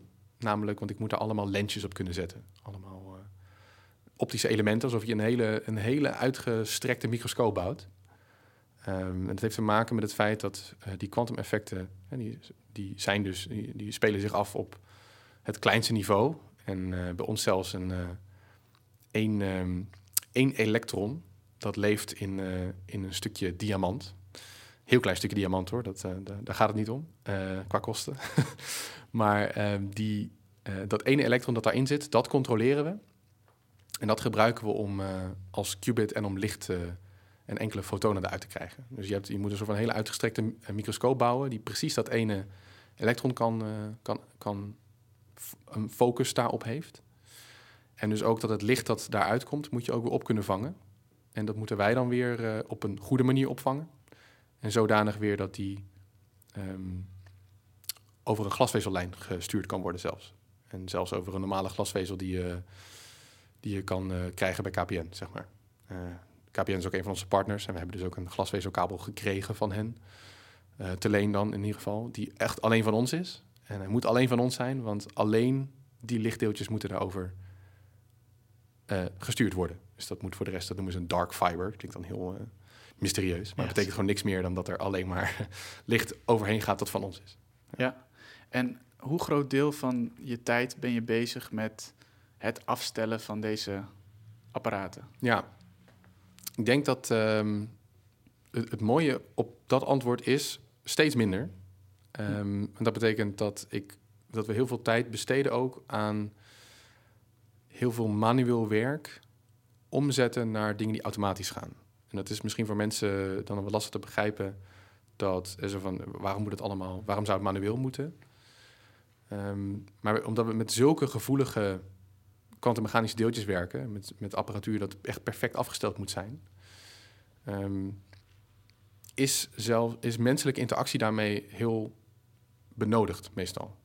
Wij zijn heel goed in patronen herkennen, um, gevoel hebben voor wanneer iets goed is of slecht is. In de zin van uh, hoe moet ik aan een knopje draaien om, het, uh, om een goed signaal te krijgen van iets. Uh, wij van spreken wat je vroeger nog moest doen met je FM radio, dat je ook een knop draait tot, uh, tot je het goed hoort, zeg maar. Dat, het feit dat je dan muziek hoort dat niet ruisig is. Dat kan, kunnen wij als mensen heel goed, op een of andere manier uh, is ons brein er heel goed in. Hè? Om die patronen te zien en zo van, oh, dit klinkt als muziek en dit klinkt als uh, niet muziek. Ja, grappig. Ja, voor mij klinkt dit ergens ook wel als iets verrassends. Omdat ik ook altijd juist denk van, oké, als er een, een opdracht is en je wilt het precies doen, nou, dan heeft de computer heeft dat goed, grappig genoeg. Maar dat is dus niet zo op. Nee, op vaak is die, die vertaling te maken naar van uh, wanneer klinkt iets ruisig, wanneer klinkt iets als muziek. In dit geval, wanneer is mijn signaal goed of slecht. En wat dat goed of slecht betekent, dat maakt dan even niet uit. Die translatie maken, dat uh, kunnen mensen heel goed. En uh, daar moet je misschien ook wel getraind in zijn natuurlijk. Hè. Je moet er wel een goed oor hebben in dit geval, of goede oog, of goede interpretatie van de data die je ziet. Maar een heel groot gedeelte daarvan is menselijke interactie. En dat is een van onze grootste doelen, is eigenlijk om al, al die dingen weg te, weg te halen. zodanig dat je een systeem overhoudt dat eigenlijk compleet autonoom kan, aan kan staan. En dus ook een compleet autonome quantum internet kan faciliteren, zo gezegd. Dus hoe zo'n groot deel ben je bezig met het Oh ja, ja. Eh, het manueel. Ja, nee, dat is oké. Je legt zoveel uit namelijk erbij. Eh, met het, eh, nou ja, het manueel ehm, onderhouden en klaarzetten van die experimenten. Eh, en anderzijds, eh, je geeft een soort van tweede factor aan. Nou, we zijn ook bezig met het automatiseren van die processen. Hoe, als je dat een beetje een tijdsindicatie zou moeten geven, hoeveel je met die twee dingen bezig bent, hoe ziet dat er dan uit? Ja, toevallig ehm, hebben we dat onlangs eh, vastgelegd. Ook omdat we ook heel erg benieuwd waren naar hoe dat zat. Dat is ongeveer 20% van mijn tijd. Grofweg ben ik nog bezig met manueel interactie. En daarmee bedoel ik dus echt... Ja, het is bijna een soort van eh, maintenance dat je doet. Hè? Dus Ja. onderhoud. Ja. Op wat voor manier dan ook. Spiegeltje afstellen. ehm, in zo'n optische microscoop, zeg maar. Spiegel afstellen. Of... eh, ehm, interpretatie van die data en daar een actie op doen, omdat eh, ik daar nog een, eh, hè, als mens een, een oordeel aan moet geven. Ehm, en die 20% is best veel, vind ik. Ehm, dat betekent dus dat als ik, hè, als ik een, eh, een, een quantum internetverbinding aan wil leggen en ik wil dat live hebben, dan zou ik dus nu nog steeds 20% van de tijd daar iemand bij moeten zetten die dat constant eh, in de gaten houdt. En dat moet natuurlijk gewoon naar nul. Ja, ik of- ben het helemaal met je eens. of naar heel laag. ja, nee, ja het, maar het, het, de grap is dat natuurlijk die, die stap eigenlijk is best moeilijk te maken. Want dan moet je dus al die, die hele 20%, eh die moet je dus dan weer helemaal automatisch moeten kunnen beschrijven. Ehm, in, een, in, in nou ja, getallen die inderdaad een eh, computer automatisch moet kunnen controleren. Dan moet iemand ook natuurlijk weer die software schrijven die dat dan, die dat, zodat die computer dat ook echt goed kan. Ja, want dat vind ik dan ook wel fascinerend, dat ik hierin leer van... oké, jullie zijn dus enerzijds bezig met het experiment zelf. Hoe Ja. zorgen we dat het kwantum-internet goed werkt? Precies. Maar er is nog een experiment in het experiment, namelijk de hardware die je gebruikt. Ja. Automatiseren, tenminste het werken daarmee. Absoluut, automatiseren. ja. En hoeveel van, het, van je tijd, eh, weten jullie dat ook? Hoeveel van je tijd ben je dan bijvoorbeeld bezig met eh, het automatiseren weer van die processen? Dus je bent 20% van je tijd bezig met het alles klaarzetten. En dan nog 20% of met het automatiseren bijvoorbeeld? Of- Ja. ja, dat vind ik moeilijk zeggen. Want eh, vaak is het een hele. Het is eigenlijk, als wij bezig zijn, is het een hele natuurlijke combinatie. Namelijk dat, ehm, Oké, ja. dat, je, dat je na een tijdje door hebt van, oh, dat duurt wel erg. Ik heb dit wel heel vaak eh, zelf gedaan. Ik weet precies nu hoe het werkt. Laat ik het proberen om te zetten in iets wat, wat automatisch draait. Ehm, en dat gaat een beetje met golven. Eh, namelijk als we heel duidelijk een bepaald resultaat willen halen van een test die we draaien op, eh, op het kant internet, dan eh, kies je misschien nu nog van, nou, doe ik maar even manueel, dan ik zeker dat het goed gebeurt en dan haal ik een resultaat waar ik veel uit kan leren en daar kan ik dan weer op voortbouwen. Maar als ik dat dan eigenlijk inderdaad een week lang zou moeten doen, dan is het veel efficiënter om eerst een paar uur dat te proberen automatiseren. Meestal lukt dat dan wel. En vervolgens dan auto- dat gedeelte in ieder geval autonoom te laten draaien. Dus het is meestal, ja, je gaat door een soort van eh feedback loopje heen van... oké, ik heb het nu vaak genoeg zelf gedaan, nu kan het automatisch. Houd in de gaten dat het automatisch kan. Na een tijdje hoef je niet meer over na te denken. En dan is het gewoon... eh, Klinkt logisch. Je, je hebt een Excel-bestand om je financiën bij te houden, om het even heel plat te slaan. En over tijd word je steeds, maak je wat slimme formules erbij, omdat je merkt van, waarom ben ik dit allemaal handmatig? ja, en hoef je het ook niet meer handmaat te controleren van klopt het wel? Eh, Is het getal wel echt wat het moet zijn? Heb ik niet een rekenfout gemaakt? Dat is eigenlijk letterlijk wat wij ook moeten doen. Ja. Ja. Oké, en dan eh, nou ben ik zo meteen nog eventjes heel erg benieuwd naar eh, nee, hoe gaan jullie met onbekende uitdagingen om. Ja. Maar om dat plaatje nog even volledig te krijgen, dus je bent 20% ongeveer met het klaarzetten, de apparaten bezig. Wat is de andere tijd? Zijn dat nog drie bl- blokken te benoemen van dingen die je doet? Ja, dus eh, precies. We moesten het natuurlijk eigenlijk even hebben over, over wat, wat is ongeveer een typische week, zeg Ja, maar, ja. daarin. Ja. Ehm, dat ligt dus ook dat ligt er heel erg aan in wat voor fase we zitten van, eh, van de ontwikkeling. Dus we hebben heel veel tijd besteed aan het begin. En dat is dan gewoon fulltime, zeg maar, aan het opzetten van heel veel van een, van een test. Dus dat je zegt, nou, ik wil eh, deze performance eh, uit het quantum internet halen. En daar moet ik voorbereidingen voor doen. Moet al die apparaten neerzetten, alles uitlijnen, et cetera. Dat is dan gewoon fulltime. En dan steeds meer ga je naar een. Wordt eigenlijk die, eh, die handmatige interventie wordt steeds minder. En zodra we dan een test draaien, dan eh, dat getal wat ik je gaf, die 20% eh manueel, dat is dan tijdens die hele test. Dus in dit geval was het een week of twee, zoiets. Ehm, en ehm, in zo'n twee weken houden we dan bij van, nou doen we dus eh 80% zijn we automatisch gebeurt er een kwantummeting. Ja. En dat zijn dus, hè, dus dat orkest dat dat perfect speelt. Eigenlijk 80% speelt het orkest perfect, zo kan je het zien.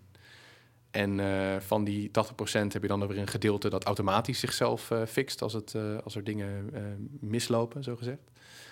En de rest gebeurt dan automatisch en meet je dus dan die kwantumeffecten constant. Um, dus we liepen ook net even langs jouw kantoor bijvoorbeeld met al die monitors ja. die er staan. Jij bent dan aan het kijken van oké, in die meting, waar gaat het goed, waar gaat het fout? Ja, en dan uh, precies. En het mooie is, dan ben ik echt een, uh, een observator even. En als ik vertrouwen heb dat het goed gaat, dan hoef ik zelfs niet eens meer te observeren. Dus dan wacht ik gewoon tot mijn data binnenkomt. En dan uh, kan ik dat dan daarna weer gaan verwerken en daar resultaten uithalen die dan zeggen hoe goed het was geweest uiteindelijk. Dus het is een, echt een mix van, van um, op de juiste momenten heel veel attentie hebben. En heel veel kunnen observeren, maar ook uh, interventie doen. Hè? Dus als er iets echt misgaat en ik zie dat het automatisch systeem het niet goed doet, dan moet ik het zelf doen. Um, en anderzijds moet je ook natuurlijk uh, bij zo'n test, moet het ook lang genoeg kunnen draaien om een uitkomst van die test te hebben. Uh, statistiek te verzamelen van nou is het dan één keer goed gegaan of duizend keer. Of...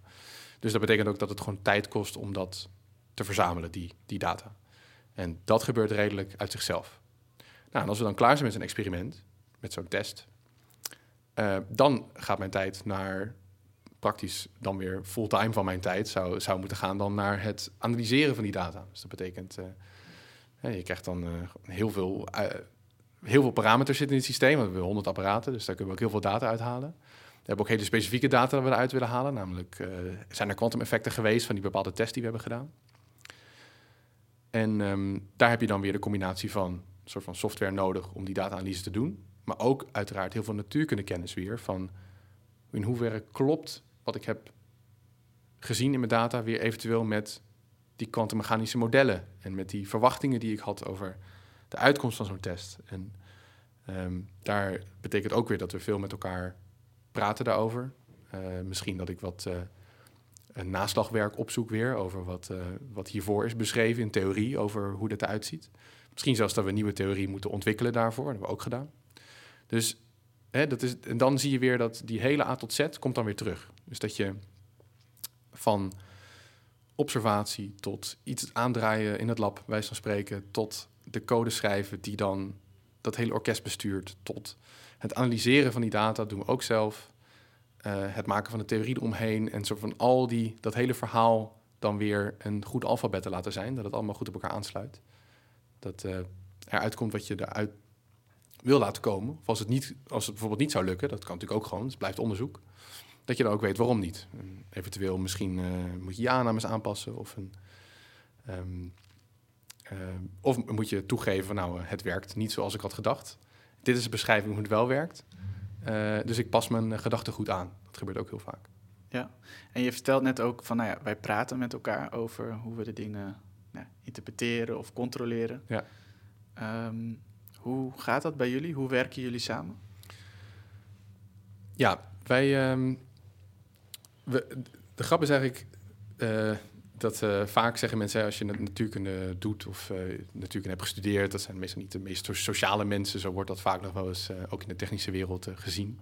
Er is een pad stigma over. Een beetje een stigma, ja. Um, en um, in, in, het echt is dat eigenlijk juist het omgekeerde, want we houden heel erg van met elkaar praten. Uh, vooral over onderwerpen, dus dan uh, natuurlijk die technisch. Dit is weer een ander stigma trouwens. Dit ja, is een nerdy maar, nee, maar, dat ja. is echt zo. Ja. uh, want ik, ik leef het eigenlijk elke dag. het zijn namelijk de, vaak zijn, zijn, zijn wij de meeste mensen nog die hebben constant discussies. Maar alleen maar opbouwend kritische discussies. Zo van oké, okay, um, wat ik je zei, omdat we zo'n hecht team hebben van zeg even tien mensen, grofweg. Daar hebben we ook expertise over verdeeld. Dus ik ben uh, dan uh, samen met een collega uh, zitten wij op dit project als promovendus. Dus wij doen onderzoek ook voor onszelf. Hè. Daar schrijven we dan natuurlijk ook een, een hele thesis over. En dat is dan voor de betterment of, of the world, zeg maar. Hè, om dat die kennis aan de wereld te geven. Um, en zo zit er ook nog een, een, een, postdoc bij. Dat is iemand die zijn PhD heeft gedaan en die verder nog onderzoek doet in een bepaalde setting. Dus wij zijn eigenlijk met z'n drie een beetje de eh, onderzoekers, de echte onderzoekers, zo, zo kan je het zien. En vervolgens feedbacken wij dan weer de uitkomsten die wij doen met dit hele, met alle tests die we uitvoeren. En misschien de, de nitty-gritty details zelfs van hoe we controle van apparaat doen. Dat, die interactie die geven we dan ook weer terug aan de mensen van TNO. Hè? Die experts van TNO die misschien hele, uh, hele uh, complexe, doordachte oplossingen al hebben voor problemen die wij tegenkomen. Als ze dat niet hebben, dan ontwikkelen ze dat. En zo op een dagelijks vlak praat, praat ik het meeste dus met mijn onderzoekend collega's, die dus ook heel erg. Uh, uh, zeg maar, we zitten allemaal in één lijn. We willen allemaal uh, dat kwantum internet opzetten en daar die kwantummechanische effecten zien en bewijzen dat dat zo is. En um, ik heb ook expres dit onderwerp en dit, dit, dit vakgebied eigenlijk zo gekozen en in dit team, juist door die interactie. Ik hou heel erg van om te overleggen met iemand. Wat zie jij hierin? En, ja, volgens mij betekent voor jou overleg ook iets heel anders dan. Uh, ik heb ook wel eens in een wat politiekere setting gewerkt, bijvoorbeeld. Ja. En dan kan overleggen krijgt dan een hele negatieve connotatie, omdat ah. het dan misschien ook wel gaat over lullen over de dingen, ja. zeg maar. Grappig. Um, en ik merk dat jij een soort van cultuur omschrijft waarin mensen heel constructief, nee, ja. je zegt dat zelf precies zo, uh, constructief zijn en dus to the point komen, klinkt Absoluut. het eigenlijk wel. Ja, en uh, precies, misschien dat, goed om te definiëren. Als ik overleggen uh, zeg, dan bedoel ik ook echt van, um, bij wijze van spreken, ik zie hier iets in mijn data wat ik niet begrijp. Uh, wat, wat, vind jij hiervan? Heb je een idee? Kunnen we hier samen achterkomen wat het betekent? Um, heb je misschien een andere manier uh, de, waarvan jij weet, uh, goh, als je de data op een andere manier analyseert of een andere manier laat zien, dan is het veel intuïtiever wat je bedoelt. Um, misschien, uh, ik, en, en die, die, constructiefheid komt overal in terug. Dat als wij iets niet weten, dan vragen we dat instantaan aan elkaar. Dus is een heel. De, de soort van solist die moet uitblinken, dat bestaat eigenlijk niet. Wat maakt het dat, het dat die cultuur hier is om dat te kunnen doen? Ik denk omdat we allemaal heel goed weten wat we niet weten. Zo kan je het zien. En hoe komt het dat jullie dat weten? ja, dat, dat is dan denk ik individueel, uh, om, omdat je heel veel uh, uh, omdat je eigenlijk dagelijks daarmee in aanraking komt. Je ziet, je ziet altijd meer van wat je niet weet dan wat je wel weet. Um, constant die interactie met je eigen kennis, zeg maar. Dat je, nou ja, ik moet iets doen en 9 van de 10 keer zoek je het zelf uit. In de zin van dat je het dan misschien zelf gaat proberen of wat opzoeken. Of, en dan komt dat goed. Maar als ik het niet weet en, uh, en, en ik kom er niet zelf achter, 1, 2, 3, dan is het heel normaal dat we dat met elkaar bespreken. Van nou, wat voor oplossing heb jij? Uh, weet je hier iets van? dat is best wel een, uh, een veel ge, ge, een zin die we vaak zeggen, denk ik. Juist omdat we, omdat we zo goed weten wat ik dan op dat moment niet weet, is de kans heel groot dat iemand anders dat dan wel weet. En die collectieve kennis, die proberen we dan ook echt te exploiteren voor, voor elkaar. Ja, het klinkt ook bijna alsof je in dit werk, uh, je kunt niet bullshitten. Nee, totaal niet. Omdat het wordt zo, het is zo in je face. Het is zelfs of een stuk hardware dat niet werkt, een test die niet werkt. Dus dat, dat maakt het misschien ook wel heel erg, ja, je kunt er niet omheen draaien wat je niet kan. Ja, het is ook zo. precies als je, ja, nee, het is heel goed gezegd. Ja, je kan niet bullshitten en dat is ook dus niet nodig. Ik hoef, ik hoef over niks te bluffen naar mijn collega's. Want als ik het harde bewijs niet heb, dan uh, sowieso het einde zoek natuurlijk. Dus dan, dan heeft het niet eens zin. Ja, ik vind het een hele ja. uh, verfrissende context hoor, die je omschrijft. Ik denk dat heel veel plekken een andere context ook kennen. Waarin dat ja. veel minder duidelijk is wat iemand wel of niet kan. Betekent niet dat we niet discussiëren hoor. Dat betekent natuurlijk ook dat... Uh, nee, dat is duidelijk. Ja. ja. nou ja, maar ook discussiëren met echt tegenovergestelde meningen. Dus ik kan ook zeggen, ik vind deze aanpak beter dan wat jij voorstelt, om die en die reden. En misschien heeft mijn collega dan echt een heel ander idee daarover. En dat gebeurt natuurlijk ook weer omdat we natuurlijk praten over onderwerpen die misschien nog nooit eerder zijn gedaan. Ja. Dus dan kan je natuurlijk een, een predictie maken die zegt, nou, ik, ik denk dat oplossing A het beste is om een reden 1, 2, 3. En het nadeel heeft dan dit. Oké, okay, maar dat vind ik niet zo erg, want nou ja, allemaal redenen. Misschien zegt mijn collega heel wat anders. En toch moeten we dan um, uiteindelijk natuurlijk op een antwoord uitkomen. En vaak gebeurt dat dan wel heel gestructureerd. Dus dat is dan niet zo van, uh, ik wil het, want uh, ik wil het heel graag. of zo. Ja. Uh, er zit geen mening aan vast. En dan is het eerder een functioneel beschrijven van... dan ga je weer terug naar echte wat, wat echte zeg maar, technisch ontwerpen doen. Dus heel gestructureerd zeggen, nou oké, dat betekent dat als ik oplossing A of B doe, dat betekent dat ik op lange termijn dit kan verwachten en het is goed of niet goed op deze manieren. Maak je een heel functionele beschrijving van en dan rolt eigenlijk dan een soort van uh, unaniem antwoord uit. Het klinkt ook alsof het dan niet meer alleen een gesprek is. Dit wordt echt helemaal, dit wordt opgetekend. ja, dan wordt, dat, dan wordt dat beschreven, uitgedacht. Uh, vaak uh, redelijk conceptueel. Dus niet dat iemand een bouwtekening gaat maken, maar meer dat je bij wijze van spreken functionele blokken hebt. Met dat je zegt, uh, het moet dit kunnen en daar zitten deze afhankelijkheden aan vast. Ja. Op, een, op een heel grof niveau. Je kan vaak heel snel, dat, dat noemen ze vaak de back of the envelope calculation. Dus dat is dat je thuis bent en er ligt nog een envelop. En nou even snel een berekening maken, want dan heb ik grofweg een idee wat dat betekent. Mm die back of the envelope doen we eigenlijk constant. En natuurlijk, hoe belangrijker, hoe belangrijker de beslissingen worden, hoe minder je dat zomaar doet. En dan doe je het echt even serieus. Uh, maar meestal merk je dat die um, korte afschattingen, die wel heel doordacht zijn, maar dan een afschatting zijn, die komen 99% heel erg in de buurt van wat het echt moet zijn.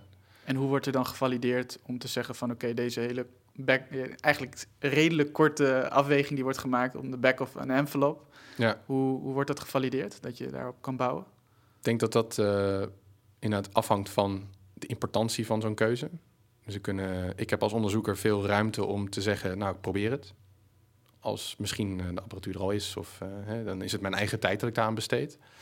En ik, heb het, ik ben overtuigd dat het werkt op een goede manier. Nou, dan kan ik dat implementeren en dan kan ik dat laten zien. Nou, dan is iedereen natuurlijk tevreden. Want ja, als je het laat zien, dan is het al snel discussie ten einde.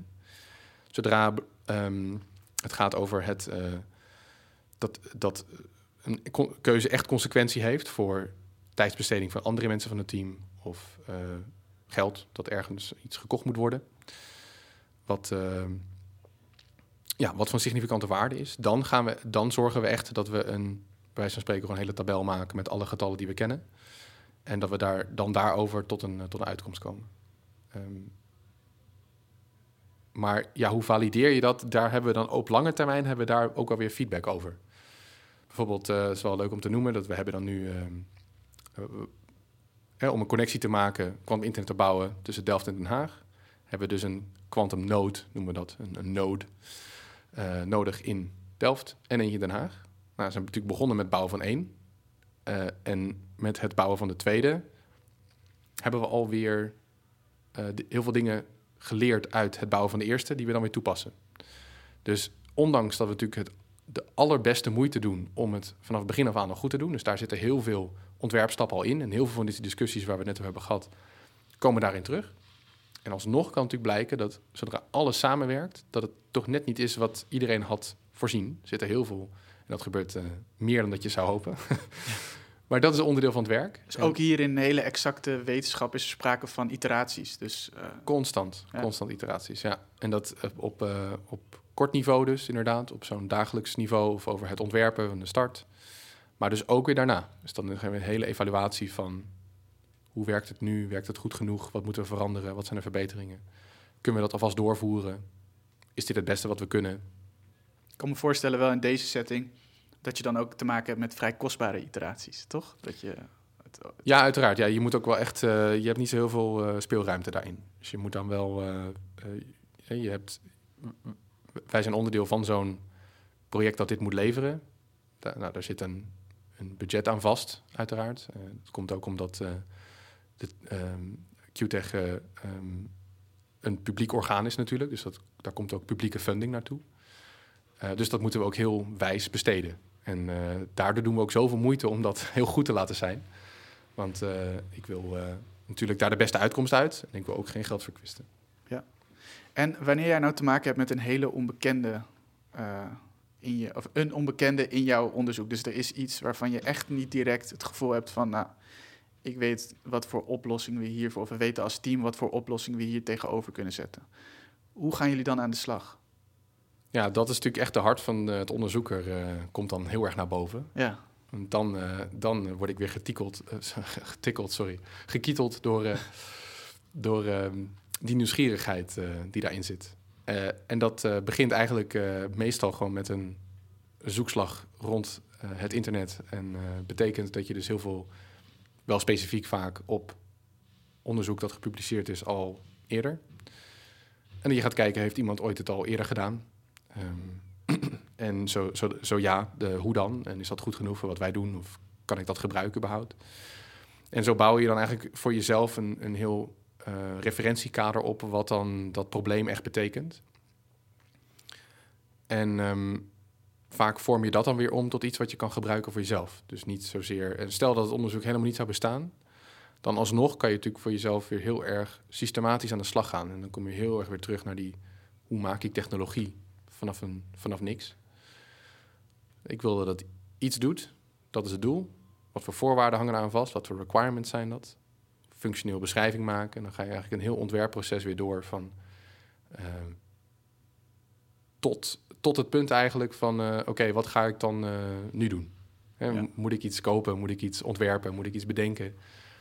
Um, maar zo'n functionele beschrijving geeft eigenlijk helemaal aan wat het moet doen. Dus je hebt altijd een punt om te beginnen. En in hoeverre in dat werk, um, ik heb een design thinking achtergrond, een UX achtergrond. En bij design thinking zijn er heel veel technieken eigenlijk rondom creativiteit. Die eigenlijk in drie simpele blokken betekenen. Nou, enerzijds input ophalen, heel simpel gezegd, je user research. Um, dus inspiratie van buiten halen. Anderzijds uh, een kwantiteit aan ideeën maken voordat je gaat uh, convergeren naar een aantal keuzes. Mm -hmm.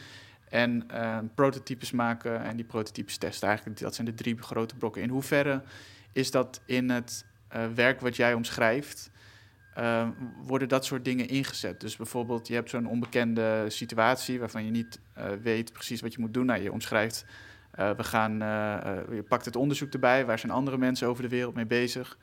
in hoeverre gaan jullie bijvoorbeeld met elkaar dan ook zitten en misschien zelfs met een paar externe en doe je een brainstorm of zo? Dat je zegt van, nou ja, dit zouden 100 uh, ideeën kunnen zijn. We zijn dus in 80 misschien slappe ideeën. Uh, maar dat je dat pas later convergeert. In hoeverre is dit soort een beetje designachtig werk deel van jullie proces?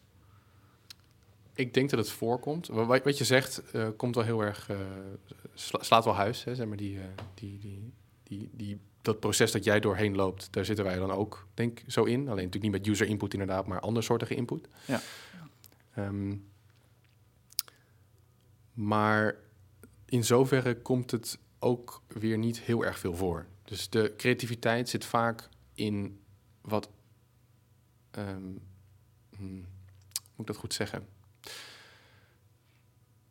De creativiteit zit hem vaak in de alles goed bij elkaar voegen, zo gezegd. Dus dat betekent dat het niet zozeer is, oké, iets concreter inderdaad. Het is zelden dat we met z'n allen, of met, uh, met een kleine groep, echt gaan zitten van... we hebben geen idee wat dit is. We gaan met z'n allen brainstormen en daar komt iets uit. Dat gebeurt eigenlijk zelden.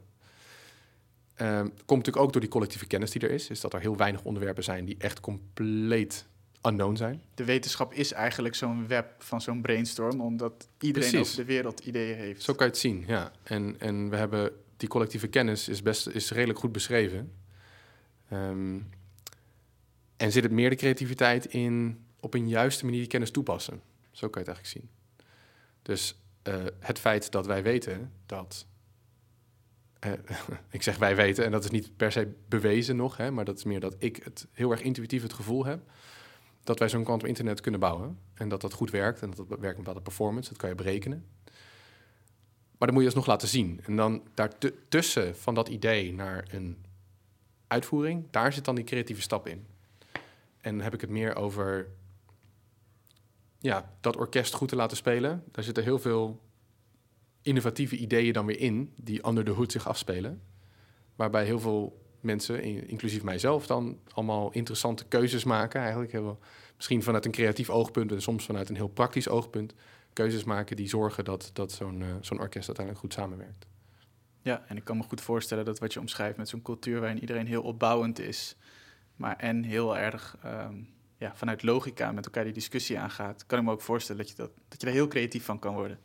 Ja, dat ja zo voelt het ook wel. Ja, het, het, het uh, nogmaals, het is die nieuwsgierigheid die, uh, die zorgt daar ook voor. En het is een gekke combinatie inderdaad van uh, heel logisch werk, dat eigenlijk gedreven is door creativiteit. Ja, een beetje, ja, inderdaad. Een beetje dubbelzinnig, maar... Um, ja. Voor ik naar de afsluitende vraag ga die ik altijd stel, ben ik eigenlijk nog benieuwd... Um, Uh, want we zitten al uh, flink aan de tijd. En Ja, ik wil dat uh, veel mensen gaan klikken op deze af, aflevering. Um, wat, wat is voor jou, als je echt de grootste uitdaging van dit werk zou moeten omschrijven? Wat, wat, wat is dat dan voor jou? Ik denk, ja, voor, voor mij, misschien wel, ja, heel persoonlijk denk ik, de grootste uitdaging is, uh, is uh, proberen zoveel mogelijk te doen in zo kort mogelijke tijd. Omdat er gewoon heel veel te doen is. Dus zeker als je aan een project werkt dat, waarvan je weet gewoon dat dat kost jaren voordat je echt een niveau hebt bereikt waar je mee kan, uh, wat je naar, naar de wereld kan brengen, zo gezegd. Je hebt een hele lange adem nodig. Uh, dus, dus ook doorzettingsvermogen. En eigenlijk niet vergeten waar je mee bezig bent. Dus da daardoor vind ik dit gesprek ook heel leuk, omdat uh, zorgt ervoor dat ik heel erg kan uitzoomen naar wat is dit dan en, op een metaniveau hierover praten. Um, leert mij ook weer meer over hoe dit werkt. Soort van, hè, want ik praat zelden over die processen nou echt heel erg actief, want je bent zo erg met je dagelijkse werk bezig. Maar ik wil ook heel veel doen. En dat betekent ook dat ik heel veel tijd daaraan besteed. En um, eigenlijk wil ik veel meer doen dan dat ik kan doen. In gewoon de beschikbare tijd uh, dat, dat, dat, je hebt. En um, het zorgt natuurlijk ook voor dat je... Uh, ja, je hebt dus dan veel... Um, hoe moet ik het zeggen? Je, je moet daarin keuzes maken. Maar eigenlijk wil je zo min mogelijk keuzes maken. Zo kan je het zien. Ja, je wil het allemaal doen. Je wilt eigenlijk zoveel mogelijk doen. Ja, want ik wil... Uh, toevallig is dat heeft ook weer te maken natuurlijk met hoe zo'n promotietraject in elkaar zit. Dat, dat is een traject van vier jaar en dan daarna ben je dan klaar. Dus je wil ook zoveel mogelijk in die vier jaar kunnen stoppen. Maar niet alleen dat, ik wil eigenlijk ook gewoon zoveel mogelijk van deze techniek op de wereld kunnen zetten. In zo kort mogelijke tijd. Want ook ik weet dat mijn tijd eindig is. Niet alleen als promotie, maar gewoon überhaupt. En uh, daar wil ik het meest aan kunnen bijdragen, zolang het uh, nog kan. Ja. En, en hoe zorg jij dat jij heb je misschien bijna een beetje een paar tips van wat, of wat voor jou een paar grote learnings zijn? Hoe zorg jij dat je zo uh, productief bent? Want ik denk dat we dat wel mogen stellen, dat jij heel productief bent. Nou, heb ik geleerd over de jaren heen. Het is eigenlijk genoeg slapen. Klinkt heel, heel logisch, maar ik, ik ben helemaal niet zo van die um, cultuur van zo min mogelijk slapen, want dan kan je zo, of tenminste, hè, dat is een beetje een soort ja, van uh, steeds, zo'n zo fetish geworden ja. van ja. ik, moet, ik moet zoveel mogelijk doen, dus ik slaap, hoeveel slaap jij? Oh, maar vijf, maar vijf uur vannacht. En die tijd heb ik ook echt geleefd, dus ook bij Delft Hyperloop maakte ik 80 uur per week en heb ik echt weinig geslapen. En dat was gewoon helemaal niet goed. En ondanks dat ik daar veel heb kunnen bereiken, wel door dat als je dat consistent wil doen over de rest van je leven, dan moet je gewoon, moet je gewoon genoeg rust nemen. Hoeveel uur slaap jij? Um, ik uh, zorg voor, ik, ik richt op minimaal acht. Ik ben, ik ben een relatief lange slaper, heb ik door, door de jaren heen. Eigenlijk uh, werk ik het beste denk ik met negen. Wat eigenlijk jammer is, want ik wil veel meer doen dan dat. Maar ik merk dus dat als ik dat niet doe, dan komt er echt minder uit een dag dan dat ik dat wel doe. En dan gewoon heel erg gefocust aan het werk kan. En dan aan het einde van de dag echt op ben. In plaats van dat je de hele dag maar op, uh, op 30% draait, zeg maar. Um, nee, maar voor, voor andere mensen als tip denk ik... Um, probeer dan ook uh, uh, niet per se de weg van de minste weerstand uh, te belopen, maar gewoon de, weg met de meeste, met de meeste output. Dus dat je, dat je ja, de, de input-output ratio hoog houdt, zeg maar. Um, en dat betekent soms op sommige vlakken misschien wat egoïstisch zijn. Ik heb heel veel door de jaren heen heel veel mensen geholpen met van alles en nog wat. Ook Delft Hyperloop, dat is een project dat je dan doet. Je krijgt er niks voor betaald, maar je bent wel anderhalf jaar van je leven daar aan het besteden. En dat is persoonlijk heel verrijkend. Um, en ook als je daarna nog uh, heel veel mensen ondersteunt in, uh, in, in uh, feedback over ook als, als alumnus daarvan, als mensen daarover vragen of andere onderwerpen, veel andere mensen proberen te helpen. Want ik vind dat heel fijn om anderen mee te trekken, zeg maar, naar, naar boven toe. Um, maar dat kan niet oneindig, want na een tijdje is natuurlijk op. Want ik moet ook, je moet ook tijd aan jezelf en je eigen voortgang kunnen besteden. En dus de, die gezonde mix van je tijd op een zo efficiënt mogelijke manier besteden. Um, maar dus dan natuurlijk niet compleet alleen voor jezelf, ook een beetje voor een ander. Maar wel in de gaten dat die ratio goed blijft. Ja, en ik vind ook wat je, mooi wat je zegt, die focus op output. Er zijn natuurlijk heel veel dingen die helemaal in vroege carrières die mensen bezig kunnen houden, die ja, misschien wel iets nog meer gaan over een bepaalde status verwerven of die gaan over geld. Ehm, en die focus op output vind ik ook wel een, eh, een hele schone, zeg maar. Ja. Ja, er zit misschien een beetje natuurlijk eh, eh, een lichte voorkeur in, omdat ik natuurlijk ook academisch onderzoek doe. Ja. Uiteindelijk wel met het oog om meer te doen dan alleen academische output, hè, gelukkig. Want we willen natuurlijk echt uiteindelijk een internet bouwen dat, dat men, quote-unquote, men kan gebruiken. Dus dat is wel meer dan alleen academisch onderzoek. Maar ja, er zit natuurlijk wel een, een stu- stukje altruïsme in. Hè? Dat, dat moet wel, bijna.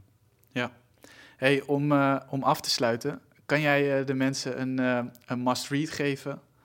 Ehm, een must-watch. Dus het kan iets van YouTube zijn, kan ook een documentaire zijn. Ehm, en misschien nog een persoonlijke jam. Dus eigenlijk zodat mensen naar deze podcast nog een beetje door kunnen gaan op... Op, op mijn media. ja, Ja. precies. Ehm, ja, een must-read is wat mij betreft de graphic novel Watchmen. Die heb ik ja, eh, jaren geleden achtergekomen dat, het, eh, dat, dat die bestond. Dat was al geschreven volgens mij. Oh god.